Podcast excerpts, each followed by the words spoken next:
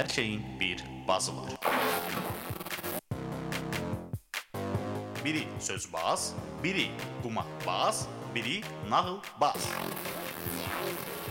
Axşamınız xeyir olsun, əziz gənclərin səsi dinləyənləri. O isə texnologiya ilə maraqlananların bazıdır. Beləliklə studiyada mən, Böyük Vahid, Hər həftənin cümə axşamı texnologiya ilə maraqlananlar üçün Vahid Qasımovun təqdimatında Texnobas.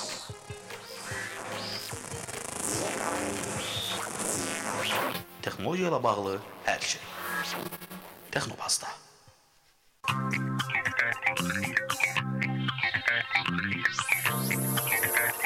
salam. Hər vaxtınız xeyir olsun əziz gənclərin səsi dinləyənləri. Hər cümə axşamının axşamı olduğu kimi Gənclərin Səsi onlayn radiosunun efirində canlı olaraq yayımlanan Texnobaz verilişi yenə də efirdədir. Bizi canlı olaraq e, dinləyənləri salamlayıram. Texnobazı ilk dəfə dinləyənlərin nəzərinə isə çatdırmaq istəyirəm ki, Gənclərin Səsi onlayn radiosunun efirində yayımlanan e, Texnobaz verilişi texnologiyaya marağı olan gənclərə ümumdünya texnologiya xəbərləri, yerli texnologiya yenilikləri və milli texnologiya həyatı haqqında bir-birindən maraqlı qonaqlarla çox müxtəlif mövzularda söhbət gedən bir verilişdir. Və biz həmin maraqlı söhbətlərin birini daha edəcəyik. Bu gün milli internetdən söhbət gedəcək, daha doğrusu milli saytlardan söhbət gedəcək, hansıların ki sayı artıq ə, minlərlə ölçülür, gündən-günə də sayları artır, hər gün yeni layihələr çıxır. Ə, startapların ə, belə deyək, startaplar axımı ilə əlaqədar yeni-yeni layihələr yenə də ə, düşünülməyə başlayır və ə, nəticədə hal-hazırda internetdə bizim ziyarət etdiyimiz, ola bilsin ki, etmədiyimiz amma mövcud olan müxtəlif layihələr var ki, ə, həmin layihələr əslində hər biri müəyyən texniki xüsusiyyətlərə malikdir və ondan başqa ə, onun dizayn və məzmun məsələsi var.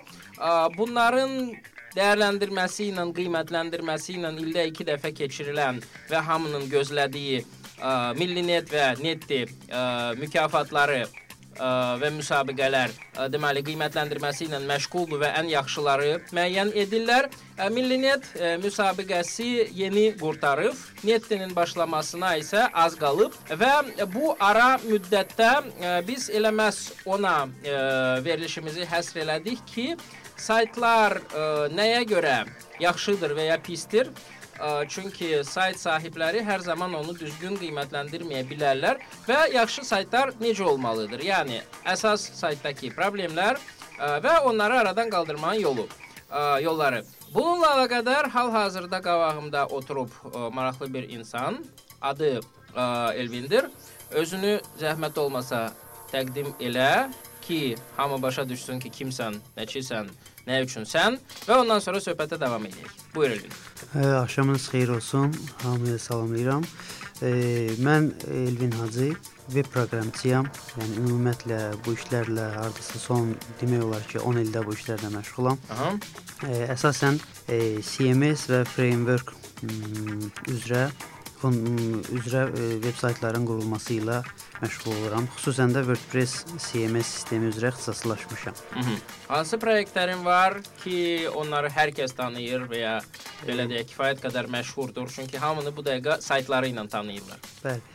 Ümumən, yəni istehsalında belə deyə iştirak elədiyim saytların sayı təbii ki, çoxdur. Bu dəqiqə heç e, necə deyirlər, əzbərdən saymaq da olmaz, amma şəxsi, yəni layihələri saysaq, əsas cavablar.net sual-cavab sistemi var. Aha. E, və bir xarici dil.net e, təhsil deyə, onlayn təhsil sistemi var və hər biri e, Azərbaycan miqyasında yaxşı e, mükafatlara layiq görülüb öz vaxtında. Lap yaxşı. Deməli, ə, uğurun açarını tapmısan.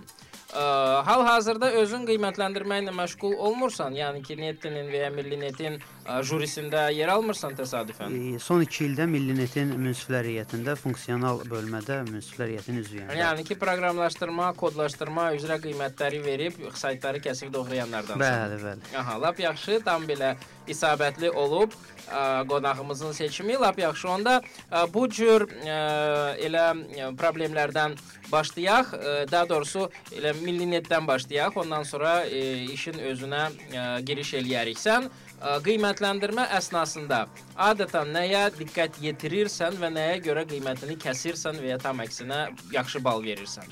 Bilirsiniz bu, yəni baxmayaraq ki, bizim qiymətləndirməmiz funksional sahə üzrə e, məhdudlaşır, amma əslində funksional sahə özü də kifayət qədər geniş spektrli sahədir.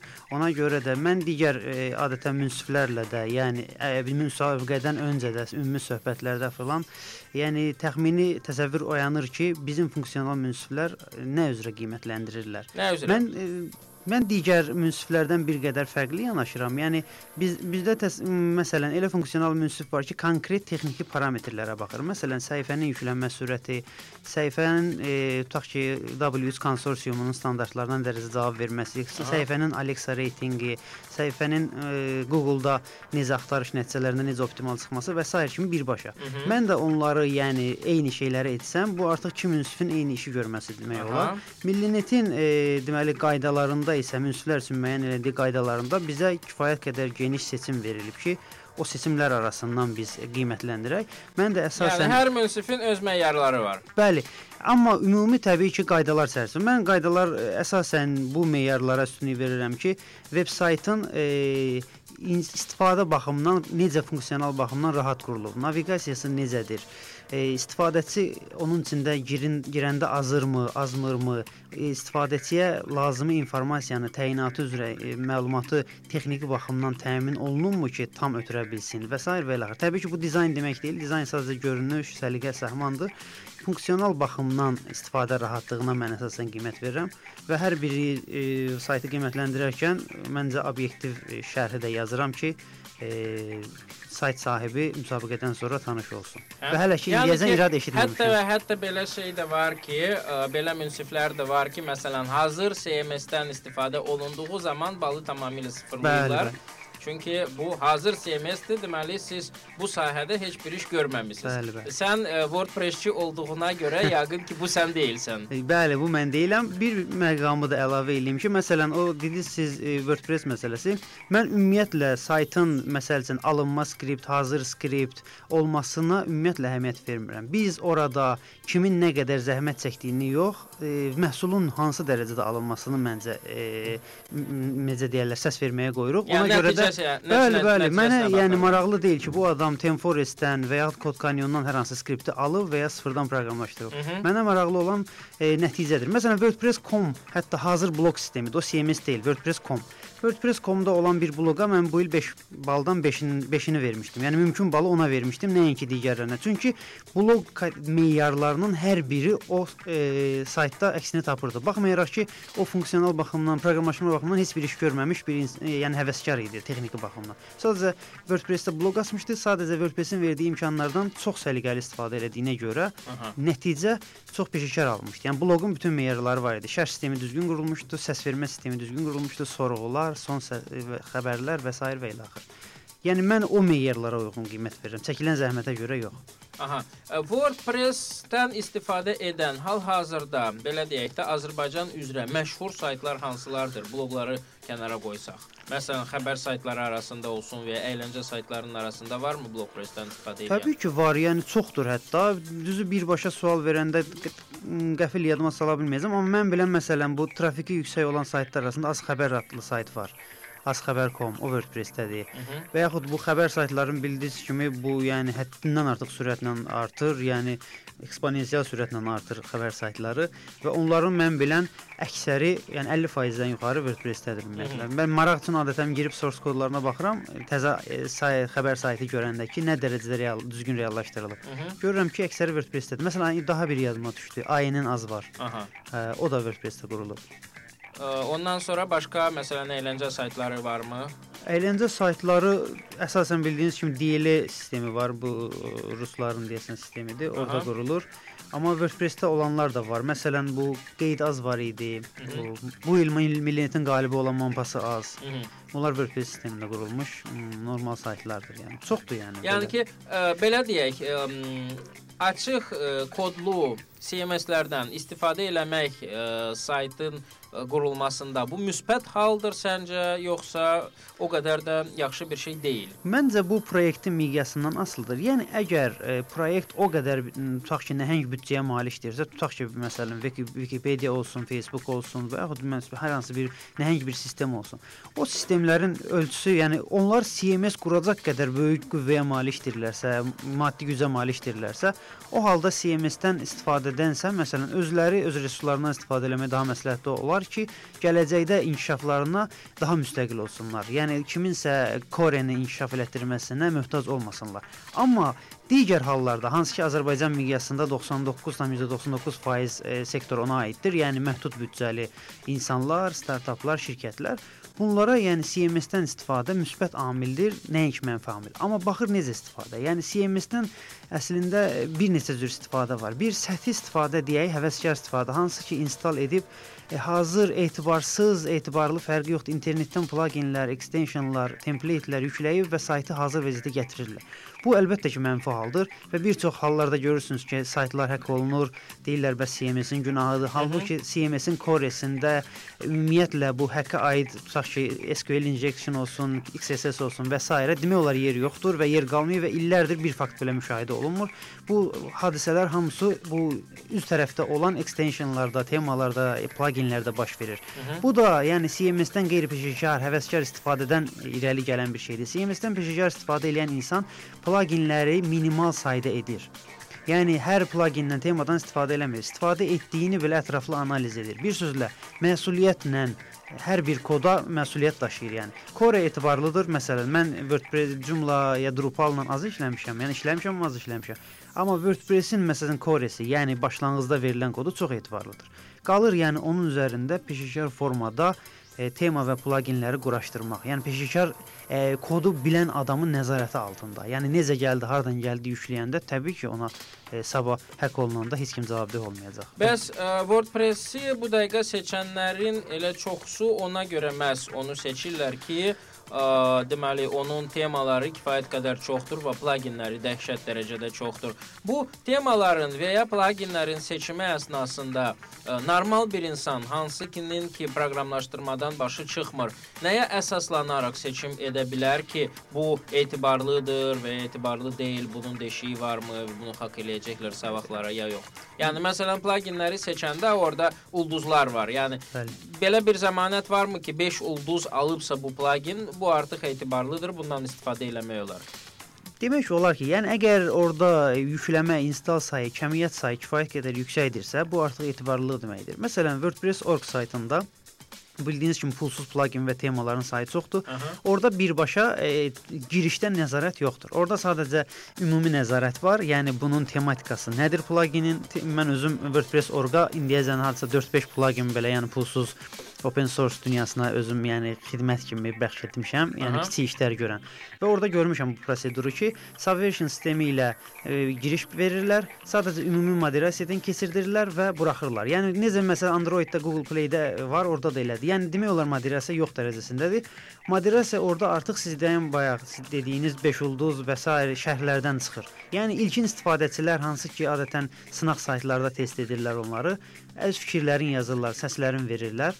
Əgər sistem yaxşı işləyirsə, özünü doğruldursa bu sürətlə e, özünü doğruldur. Məsələn, super cache, total cache sistemləri var WordPress üçün, hansı ki, cache sistemi düzəldərək veb saytın performansını çox artırır və verilənlər bazasına düşən yükü, yüklənməni zəiflədir. E, Bu yəni yarım milyon ya 1 milyon bu civarda yükləmələri var. Yəni həddindən artıq çoxlu saylı şərhləri və səsləri də var. Hətta o qədər etibar qazanıb ki, WordPress özü e, dokumentasiyasında ona keçid verir ki, məsləhət görür ki, bəs e, zəif hostinqlərdə və yaxud güclü trafiklərdə bundan istifadə edin. Yəni deməyim o ki, e, proqramlaşdırma bilməyən adam etibarlı mənbələrdən yükləməlidir. Yəni ya pullu e, imic qazanmış bu Envato şirkətinin bu Temforest saytından yükləməlidir. Aha. Orada da yenə də səslərə və Onlar şərhlərə yoxlayırlarmı temalarını? Orada da yəni şey, necə deyirlər, kod sətir-bəsətir analiz olunmur, amma ümumi bəli, install edib baxırlar. Yəni ki, bu işlə görür. Bəlkə ümumiyyətlə bazanı dağıdan bir sistemdir. Aha. E, təbii ki, yoxlayır. Həm e, faydalılığını yoxlayırlar, həm də texniki baxımdan səthi də olsa yoxlayırlar və 3 gün çəkir bu yoxlama adətən. 3 gündən sonra cavab. Yəni dediyim kimi hardan yükləməyinə baxsın. Yəni WordPress.org və yaxud pullu şəkildə Envato şirkətinin saytlarından yüklədikdə e, verilən səslərə və şərhlərə baxsın. Necə ki internet alış-verişdə e, hər hansı bir e, mağazanın e, reytinqinə baxırlar, sonra mal alırlar ondan. Bu da elə, yəni buna da elə yanaşılmalıdır fikrimcə. Məsəl üçün mən ə, həmin TeamForest-a girdim və ya tutalım ki, WordPress-in özündən yepyeni bir tema çıxdı. Mənim dəhşətli dərəcədə xoşum gəldi. Mən bunu yükləməliyəmmi, yoxsa gözləməliyəm ki, hələ heç olmasa bir 1000 nəfər onu yükləsin, test eləsin, ondan sonra yükləməyə dəyər. Fikrimcə əgər yəni siz e, yəni ümumi şərti deyirsinizsə, təbii ki, siz proqramçısınızsa, yəni yoxlama gücündəsinizsə. Yox, yox, proqramçıdan söhbət yox, getmir. O, halda bəli, o halda O halda bəli, heç kim ona zəmanət verə bilməz ki, e, o nə məsələn Envato şirkətində və ya WordPress.org-da qaydalarda da yazılıb ki, onlar cavabdeh deyillər. Onlar sadəcə e, necə deyirlər, qoyurlar və ümumi çoxluq kütlənin rəyi əsasında formalaşır. İlkin istifadəçilər də dediyim kimi gözləmək lazımdır ki, bu testerlər, könüllülər var hansı ki, Hı -hı. yoxlayırlar. Onlar yəni bir müddət Yükləmə keçsin, sayı nə qədər olmalıdır minimum ki, heç olmasa bu etibarlı sayıla bilər? Hər halda, yəni konkret bir rəqəm söyləmək olmasa da, hər halda məsələn 10, 100 yox, və ya 1000 10, 100 azdır. Məncə yəni 1000 ən azı 1000-dən çox olmalıdır. Yəni 1000-dən çox o deməkdir ki, artıq kifayət qədər developer bunu saytında sınayıb. Yəni 1000 artıq ciddi ədəddir deməkdir, göstərəcək. Okey. Anar Səmədov soruşur ki, core nədir? E, core e, nüvə, yəni nüvə deməkdir. E, e, yəni bir çox proqram platformalarında bu termindən istifadə olunur. İstər Linux olsun, istər e, bu dediyimiz kimi CMS-lər olsun.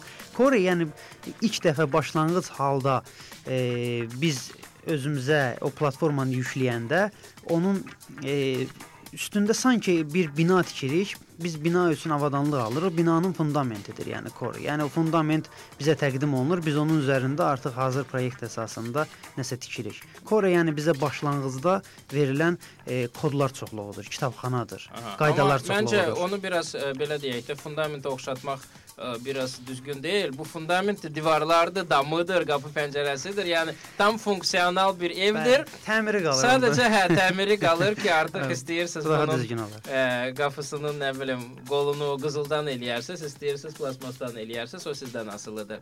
Yaxşı, davam eləyək. CMS-ləri qoyaq bir kənara. CMS-lə yaradılmamış saytlar arasında. Məsəl üçün, hal-hazırda Azərbaycanda ən populyar saytlar kateqoriyası ən çox ziyarət olunan saytlar kateqoriyası informasiya resurslarıdır bəli, mən bilən. Bəli. Hə, onların arasında məsələn, hə, xırda olanlar e, CMS-lərdən istifadə eləyirlər, amma iri olanlar özlərinə özləri e, proqram yazdırırlar. Onları bir qədər analiz eləmisənmi? Yəni etibarlığı, ondan sonra düzgünlüyü nöqteyi nəzərdən o ə, yazılanlar çünki ə, çoxsunun kodunu yazan bizim milli proqramçılarımızdır. Yəni ki, səviyyəcə onlar nə dərəcədə məsələn CBS-dən daha yüksək səviyyəlidir və ümumiyyətlə səviyyəsi necədir? Böyük trafikli saytlarımız bu ümumiyyətlə çox maraqlı mövzudur. Bunların texniki vəziyyəti.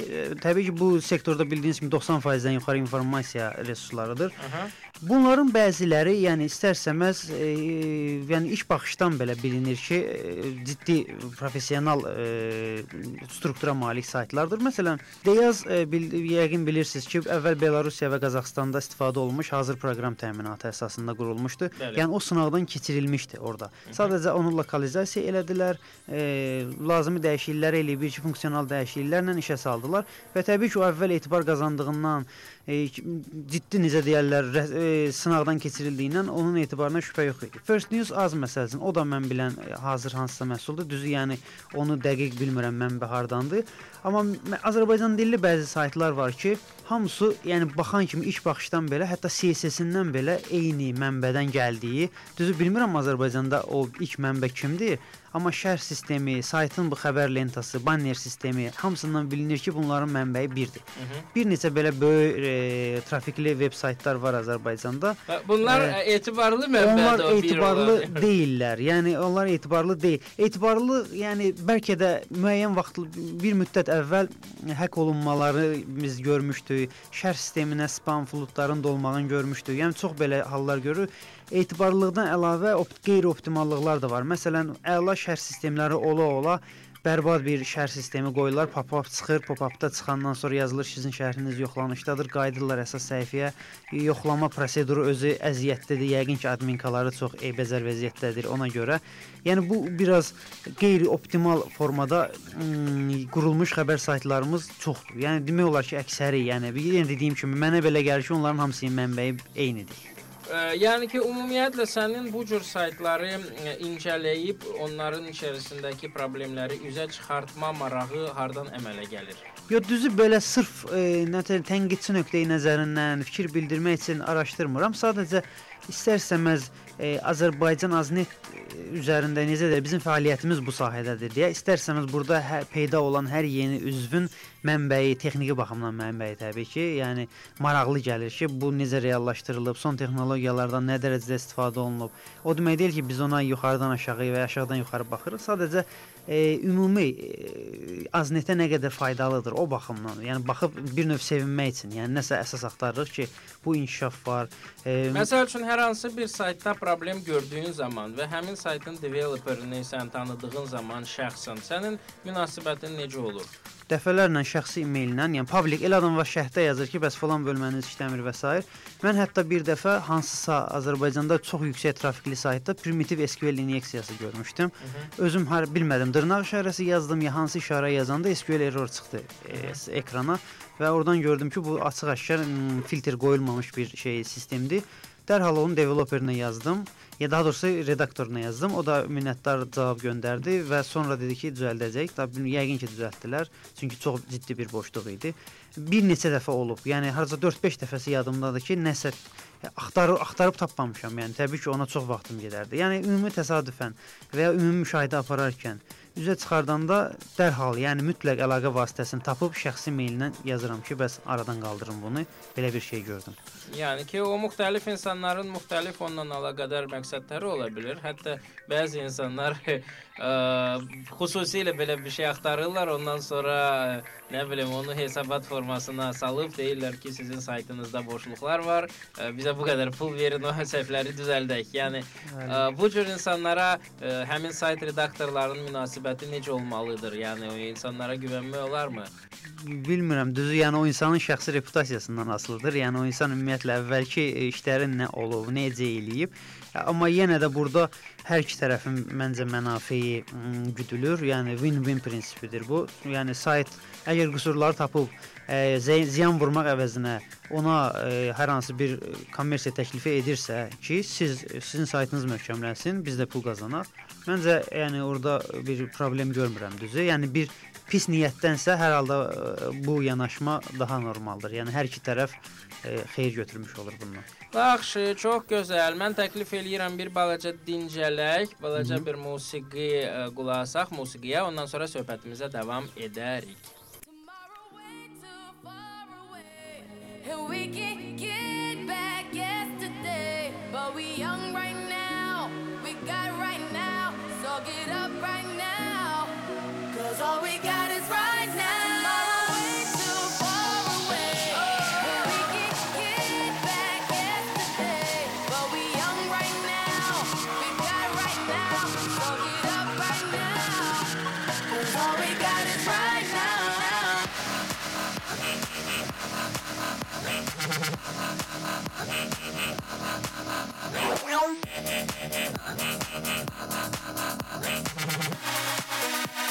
Thank you.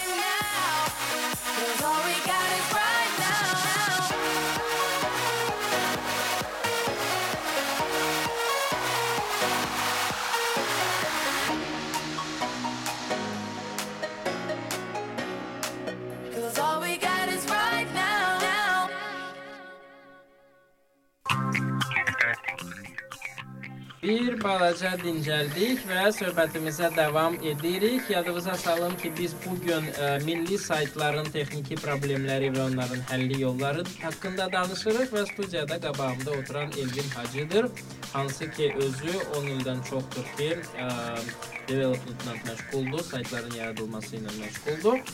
Ə, Elvin, məsələn, bizim yanımıza adam gəlib. Tutalım ki, deyir ki, saytımızda problemlər var. 10 dənə problemdir. Problemlərin nə olduğunu mən söyləmirəm, amma ki pul versəniz onu düzəldəcəyik. Əgər adam a, həmin problemləri belə söyləmək istəmirsə, a, ona nə dərəcədə etibar etmək olar və ya ümumiyyətlə nə etmək mümkündür? Məsələn, həmin adamın a, danışığı məndə etibar hissi oyandırmırsa, mən ə, məntiqi olaraq nə etməliyəm ki, ə, həm ə, saytımı yoxlatdırım, ə, həm də ki, ə, həmin problemləri aradan qaldırım. Yəni varmı etibarlı şirkətlər, etibarlı insanlar, hansılar ki, bu işi həqiqətən də ciddi bir şəkildə görə bilərlər. Yəni ə, veb təhlükəsizliyi ilə ümumiyyətlə Azərbaycanda professional səviyyədə məşğul olan şirkətlər mövcuddurmu? Mən bildiyim qədərilə bu işlə məşğul olan şirkətlər var. Adətən bu veb studiyaların nəzdində olur bu xidmət. Yəni ayrıca Azərbaycan bazarı elə böyük bazar deyil ki, veb təhlükəsizliyi ilə ayrıca şirkətlər məşğul olsun. Amma hansısa şirkətin nəzdində bir neçə dənə belə eşitmişəm var. Adları təəssüf ki, yadımda deyil, yəni amma internetdə görmüşəm.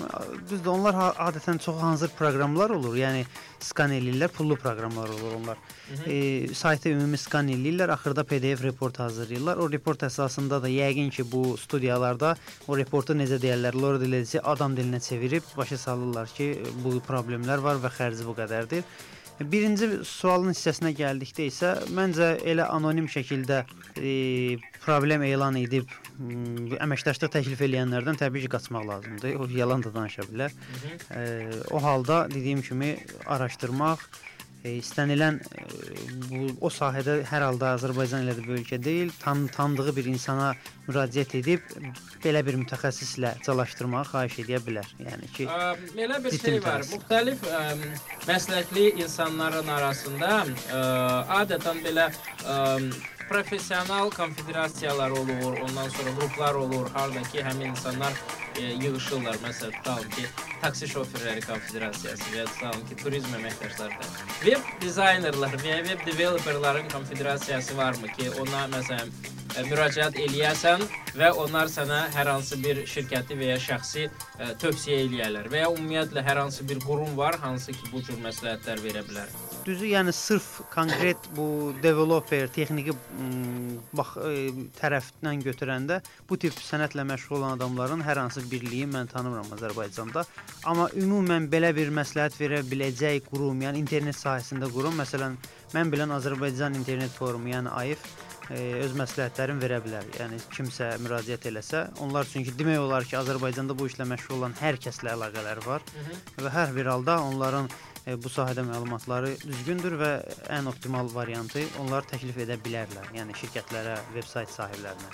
Amma tutalım ki, hal-hazırda ə, belə deyək də, istər prezident aparatı nəzdində, istər ə, Milli Təhlükəsizlik Na- Nazirliyi nəzdində, istər Rabitə İnformasiya Texnologiyaları Nazirliyi nəzdində zaman-zaman xəbərləri alırıq ki, təhlükəsizliklə əlaqədar və xüsusilə də veb təhlükəsizliyi ilə əlaqədar ə, qurumlar və şöbələr açılır. Ə, bu qurumlar və bu şöbələrin işi nədən ibarətdir? Yəni ki, bunlar məşğul olurlarmı saytların nəzarəti ilə və ya onlardakı o problemlərin araşdırması ilə? Yəni Bu hər halda, yəni əgər e, hər hansısa qurumun daxilində yaranıbsa, bu həmin nazirliyin e, iş təyinatına uyğun olmalıdır. Yəni hər hansı bir nazirlik təbii ki, gəlib kommersiya saytlarına deməyəcək ki, sizin saytınızda problem var, gəlin düzəldək və ya belə düzəldin. Onlar yəni əsasən dövlət saytlarına, ümumi Azərbaycan internet kanallarının, yəni e, təhlükəsizliyinə və s. və ilaxır və ümumi yəni sadə vətəndaşların tutaq ki, aldadılmamasına, bildiyiniz kimi internetdə çoxlu dələduzlar, dələduzluqlar mövcuddur, hazır modellər mövcuddur ki, hansı ki, dünyada milyonlarla insan bunun qurbanı olur maddi baxımdan.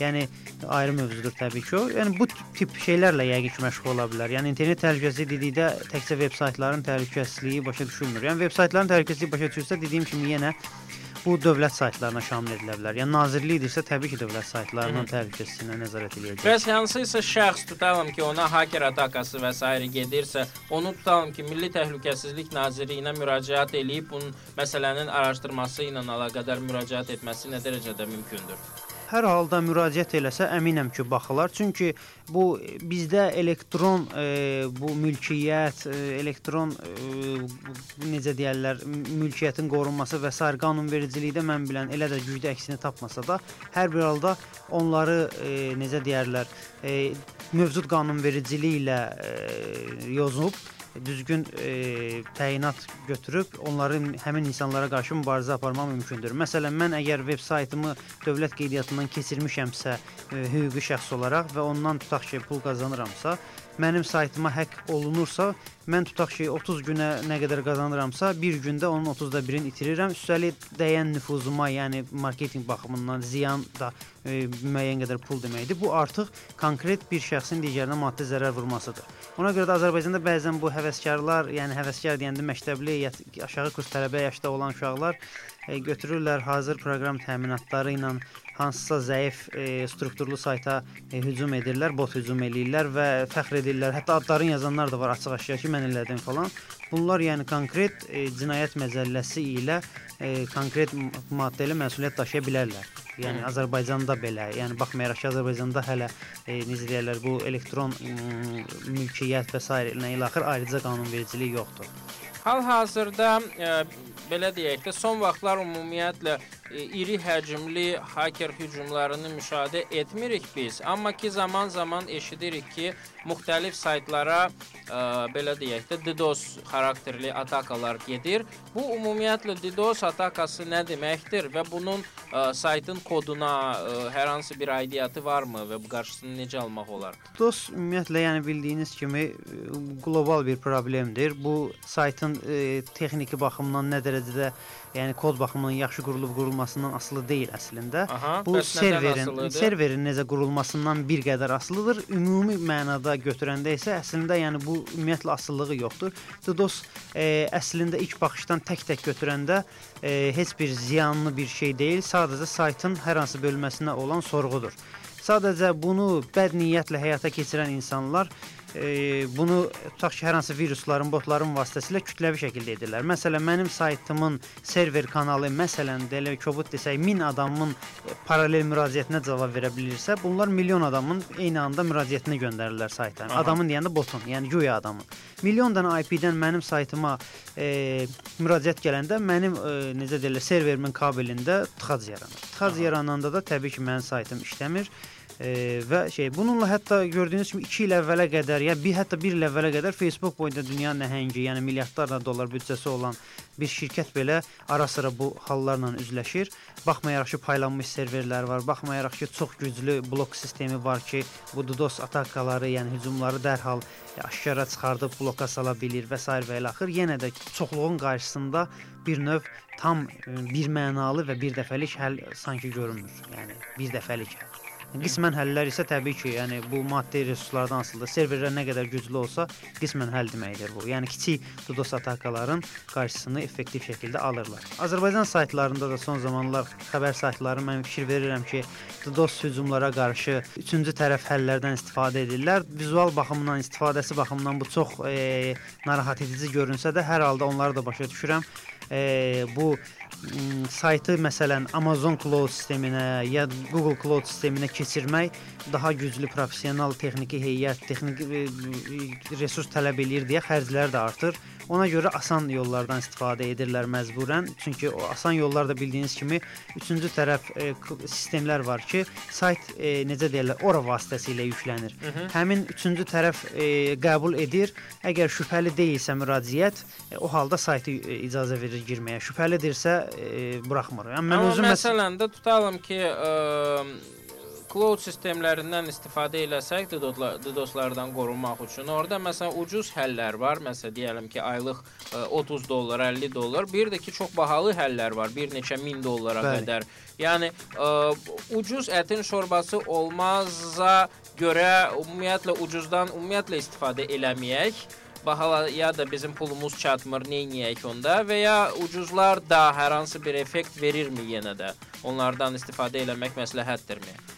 E, Hər halda bu maddi resurslardan asılıdır. Hər halda maddi resursu məhdud olan e, şirkət məcburdur ucuzdan başlayıb bahaya doğru getməyə. Ən ucuzdan başlayır. Yəni bəlkə də DOS e, hücumların miqyası, çəkisi, həcmi o qədər də güclü deyil. O ən bəlkə siz deyən 30 dollarlıq paket Cloudflare sistemi var məsələn. Bildiyiniz kimi Azərbaycan xəbər saytlarının demək olar əksəri ona qoşulub Cloudflare sisteminə. Cloudflare sisteminin məsələn 30 dollarlıq paketi yəqin ki, qane edir ki, Azərbaycan saytları hər halda son müddətlərdə, son neçə aylarda görürəm ki, e, Çox o, o, şir o şirkətdə qalırlar. Mən hətta amma onların da yəni qüsursuz işləmirlər. Mən məsələn e, adi istifadəçiyəm. Mənim kompüterimdə heç bir virus ola da bilməz. Amma daxil olanda məni e, şübhəli bəzən necə deyirlər, elan eləyib buraxmır. Məndən kod istəyir və s. və ilə axır belə e, ola bilər mənim IP-m paylanmış, e, shared IP-dir, yəni paylanmış IP-dir deyə e, şübhələnir məndən. Amma hər halda istifadəsi mən oxucuyam, oxucu isə saytı açanda Yəni ki, bu demək olarmı ki, ə, cloud-a qoşulmaqla sayt bir qədər istifadəçi itirmiş olur. Sözsüz, sözsüz. Mən şəxsən bir ə, Azərbaycanda xəbər saytı var. ə, Daha tez-tez daxil olurdum ona. E, Bir bir neçə həftə əvvəl 2 2 gün dalbadal daxil olanda hər ikisində Cloudflare-ni gördüm qarşımda, saytın informasiyaını yox. Ona görə də o sayta o ki son 2 həftədə daxil olmuram daha. Yəni istərsən məni itirdi. Yəqin ki, mənim kimi də digərlər, ümumiyyətlə yəni hətta onun nə olduğunu bilməyən insanlar hətta elə bilər ki, sayt işləmir. Sayt bağlanıb. Nə bilim, Və sayt ya başqa saytda virus var. və yaxud saytda virus var. Bəli, yəni ins- insandır, yəni o bu bu haqqda informasiyası olmağa borclu deyil. Yəni IT sahəsindən kənar insandır. Deməli bundan istifadə etmək üçün bir min dəfə fikirləşib ondan sonra qərar Bəli, vermək bəli, lazımdır. İstifadə e, eləyəsən və ə, DDoS-lardan ə, qorunasan bir qədər və ya ə, istifadəçi itirəcəksən. Yəni ki, fikirləşməyə dəyər. Yenə də bu nə bu nə deməkdir? Məncə o deməkdir ki, bazarda ciddi bir şəkildə bu sahədə e, konsaltinq xidmətlərə, məsləhət xidmətlərinə Bəli. ehtiyac var ki, ə, başı çıxmayan insanlar və ya sayt sahibləri hansılar ki, IT sektorunun insanları deyillər, ə, məsləhət alsınlar professional insanlardan. Yəni ümumiyyətlə ə, belə çıxır ki, əgər hər hansı bir saytla ə, məşğul olursansa, Ə, hökmən sənin gərək bu IT sahəsində adamın olsun, hansı ki, sənin həm serverin qorunmağına, həm məsləhətlərə, həm saytda mütəmadi dəyişikliklərə hər hansı bir ə, məsləhətlər versin və bilavasitə işi görsün. Yəni düzgün başa düşürəmsə. Bəli, bəli. Yəni bizdə adətən biraz səhv təsəvvür formalaşıb. Bu internet biznesin sanki real bizneslə eyniləşdirə bilməməsindən irəli gələn bir şeydir və məsələn mən bir neçə dəfə və çox tez belə bir şey eşidirəm ki, çox iddialı bir e, layihədən danışır. Tutaq ki, ayda məsələn, məsələn desək 10 min, 20 min, 30 min manat gəliri planlaşdırır və deyir ki, bu işə başlamaq istəyirəm. Hansı shared hosting məsləhət görərsiniz? Shared hosting bildiyiniz kimi ayda 1-2, 5 dollarlıq ucuz hostinqlərdir, hansı ki, həvəskarlar üçün kiçik vizitka saytlar üçün nəzərdə tutulub. Yəni təsəvvür edin, yəni o qədər pul xərcləməmək istəyir və yaxud pul da yoxdur bəlkə də. Yəni o belə yanaşır. Səhv yəni ha- hansı yəni bu görünürmü ki, real aləmdə e, kimsə gələ deyə mən supermarket almaq istəyirəm, amma 10 manat pul yatırmaq istəyirəm. Belə bir şey ola bilərmi? Yəni mümkün deyil. Böyük şirkət əgər iddialıdırsa, nəsə qurmaq istəyirsə, ciddi professional e, resurs qurmaq istəyirsə və ondan gəlir götürmək istəyirsə, pul xərcləməlidir. Bu sahənin professionallarına pul xərcləməlidir. E, konsaltinq şirkətlərlə əlaqə saxlamalıdır. İmkanı varsa ümumiyyətlə maaş maaşla işçi tutmalıdır. O sərf eləmirsə, konsaltinq xidmətləri ilə və yaxud hər hansı bir e, konkret veb studiya ilə müqavilə bağlayıb təhlükəsizliyini və s. və ilə axır məsuliyyəti onun üzərinə qoyub özü öz işi ilə məşğul olmalıdır. Yəni e, qaçmalı deyil problemlərin ardınca. Mhm. Aydındır. Bəs ə, belə deyək də, saytların sayı hal-hazırda minlərləndir, bəlkə 10 minlərləndir və onların arasında da belə deyək də, ə, pul qazanmağı hədəfləyən saytların sayı da az deyil. Ola bilsin ki, bir neçə mindir. Ə, Bu qədər IT mütəxəssisi Azərbaycanda varmı ki, hamısını nəzarət eləsin? Əslində bu məsələ tələb təklif e, modelindən formalaşır. Yəni hal-hazırda Azərbaycan veb saytlarına konsaltinq xidməti göstərə biləcək qədər IT mütəxəssis var Azərbaycanda. Bəs iş görə biləcək qədər İş görə biləcək qədər də, yəni məncə bu təbii bir prosesdir. Yəni əgər e, veb saytların səviyyəsi və tələbləri, peşəkarlıq tələbləri artsa, istərsəniz Azərbaycanda bu sahəyə maraq da artacaq və daha çox insanlar bu sahədə öyrənməyə və ya kursa keçməyə, özünü yetişdirməyə və s. vaxt enerji sərf eləyib öz xidmətlərini təklif eləyəcəklər. Hal-hazırda yəni tələb tələb çox yüksək deyil deyə bu sahədə də barmaqla sayılası qədər xidmət təklif edən insan var. Onda ə, belə bir sual ola bilsin ki, artıq axırıncı suallarımdandır, çünki vaxtımız yavaş-yavaş sona çatır. Əgər ə, Azərbaycandan insan tapılmırsa və ya ə, belə deyək də uyğun qiymətə iş görən insan tapılmırsa, yəni hamı bilir ki, tutalım ki, Hindistanda və Ukraynada, Belarusiyada ə, freelancer ə, mütəxəssislər var, Bəli. hansılar ki, kifayət qədər ucuz qiymətə ə, ə, xidmətlərini təşkil edirlər, ə, təklif edirlər. Onlara müraciət etmək səncə nə dərəcədə düzgündür? Yəni ki, bunlara etibar eləmək olarmı bu sahələrdə freelancerlara? Əslində təbii ki, ilk olaraq müraciət olunması e, yer e, məkan olaraq yaxın olan insanlardır. Yəni eyni şəhərdə öz ölkəsinin vətəndaşlarıdır ki, onunla həm qanunun dilində danışa bilsin, yəni Mhm. müqavilə imzalasın, həm də məsuliyyətdən qaça bilməsin. Əgər burada mütəxəssis tapmırsa və ya qiymət sərf eləmirsə, internetdə freelancerlərə müraciət edirsə, bu artıq o deməkdir ki, bu riski gözə alır ki, iş keyfiyyətli alınmayacaq və yaxud e, nəsə yarımsıq qalacaq və s. və ilə axır. Yo, bəlkə də tam tərsinə. Çünki freelance saytlarında məsələn baxırsan, orada həmin freelancerları qiymətləndirirlər, onlar haqqında şərh yazırlar, ondan sonra Yo, iş təkcə freelancerlərdən deyil. Yəni freelancerlərə qalsa çox yüksək səviyyəli freelancerlər var xaricdə. aha. E, bizim mütəxəssislərdən daha orta statistik baxımdan daha yüksək səviyyədə. Sadəcə anlaşma məsələsi var və hüquqi məsələ var. Yəni hüquqi məsələni tutaq ki, siz reytinqinə buraxırsınız ki, yəni onun yüksək reytinqi var, problem olmayacaq. Heç bütün öhdəlikləri yerinə yetirirsiniz. Amma Hı -hı. anlaşma məsələsi var. Yəni məkan uzaqdır, dil fərqlidir. Problemi təsvir eləmək. Yəni bildiyiniz kimi məsələnin əsas həllinin 50% məsələnin qoyuluşudur. Məsələnin qoyuluşunu isə problemi yaşayan tərəf qoyur.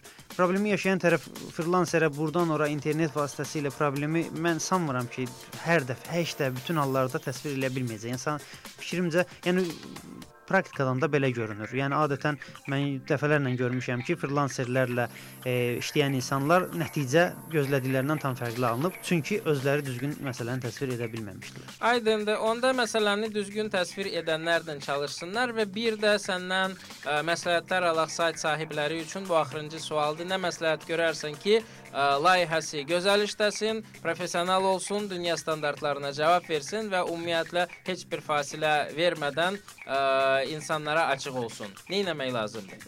Bunun üçün e, öncə pe- peşəkar yanaşmaq lazımdır. Yəni saytı kiçik formada düzəldim, sonra böyüdükcə pul ayıraram, böyüməsə ayırmaram. Belə yanaşmaq həvəskar yanaşmaqdır. əvvəlcədən planı olmalıdır, büdcəsi olmalıdır, peşəkarların xidmətindən istifadə eləməlidir, strategiyası olmalıdır. Yəni necə realda biznes qurulursa, internetdə də istənilən veb layihəyə gəlir gətirmə niyyəti ilə yanaşılırsa, onun strategiyası olmalıdır, biznes planı olmalıdır və maliyyə resursu olmalıdır. Hər hansı bir e, investisiya cəlb eləyə bilər, öz resurslarından istifadə eləyə bilər, kredit götürə bilər və s. və ilə axır. Yəni hər bir halda maddi dəstəyi olmalıdır. Və yenə deyirəm, strategiya. Dəqiq strategiya müəyyən olunarsa, e, hər bir halda bu böyük bir şey deməkdir. Yəni peşəkarların xidmətindən də rahatlıqla istifadə eləmək olar və gözlənilməz hadisələrlə də üzləşilməz. Aydındır. Çox sağ ol. Çox e, təşəkkür edirəm məsləhətlərinə görə və ümumiyyətlə verilişdə qonaq olaraq iştirak elədiyinə görə. E, mən də dinləyicilərimizi də təşəkkürlərimi bildirirəm. Gələcək verilişlərdə görüşmək ümidi ilə. Sağ olun. Sağ olun.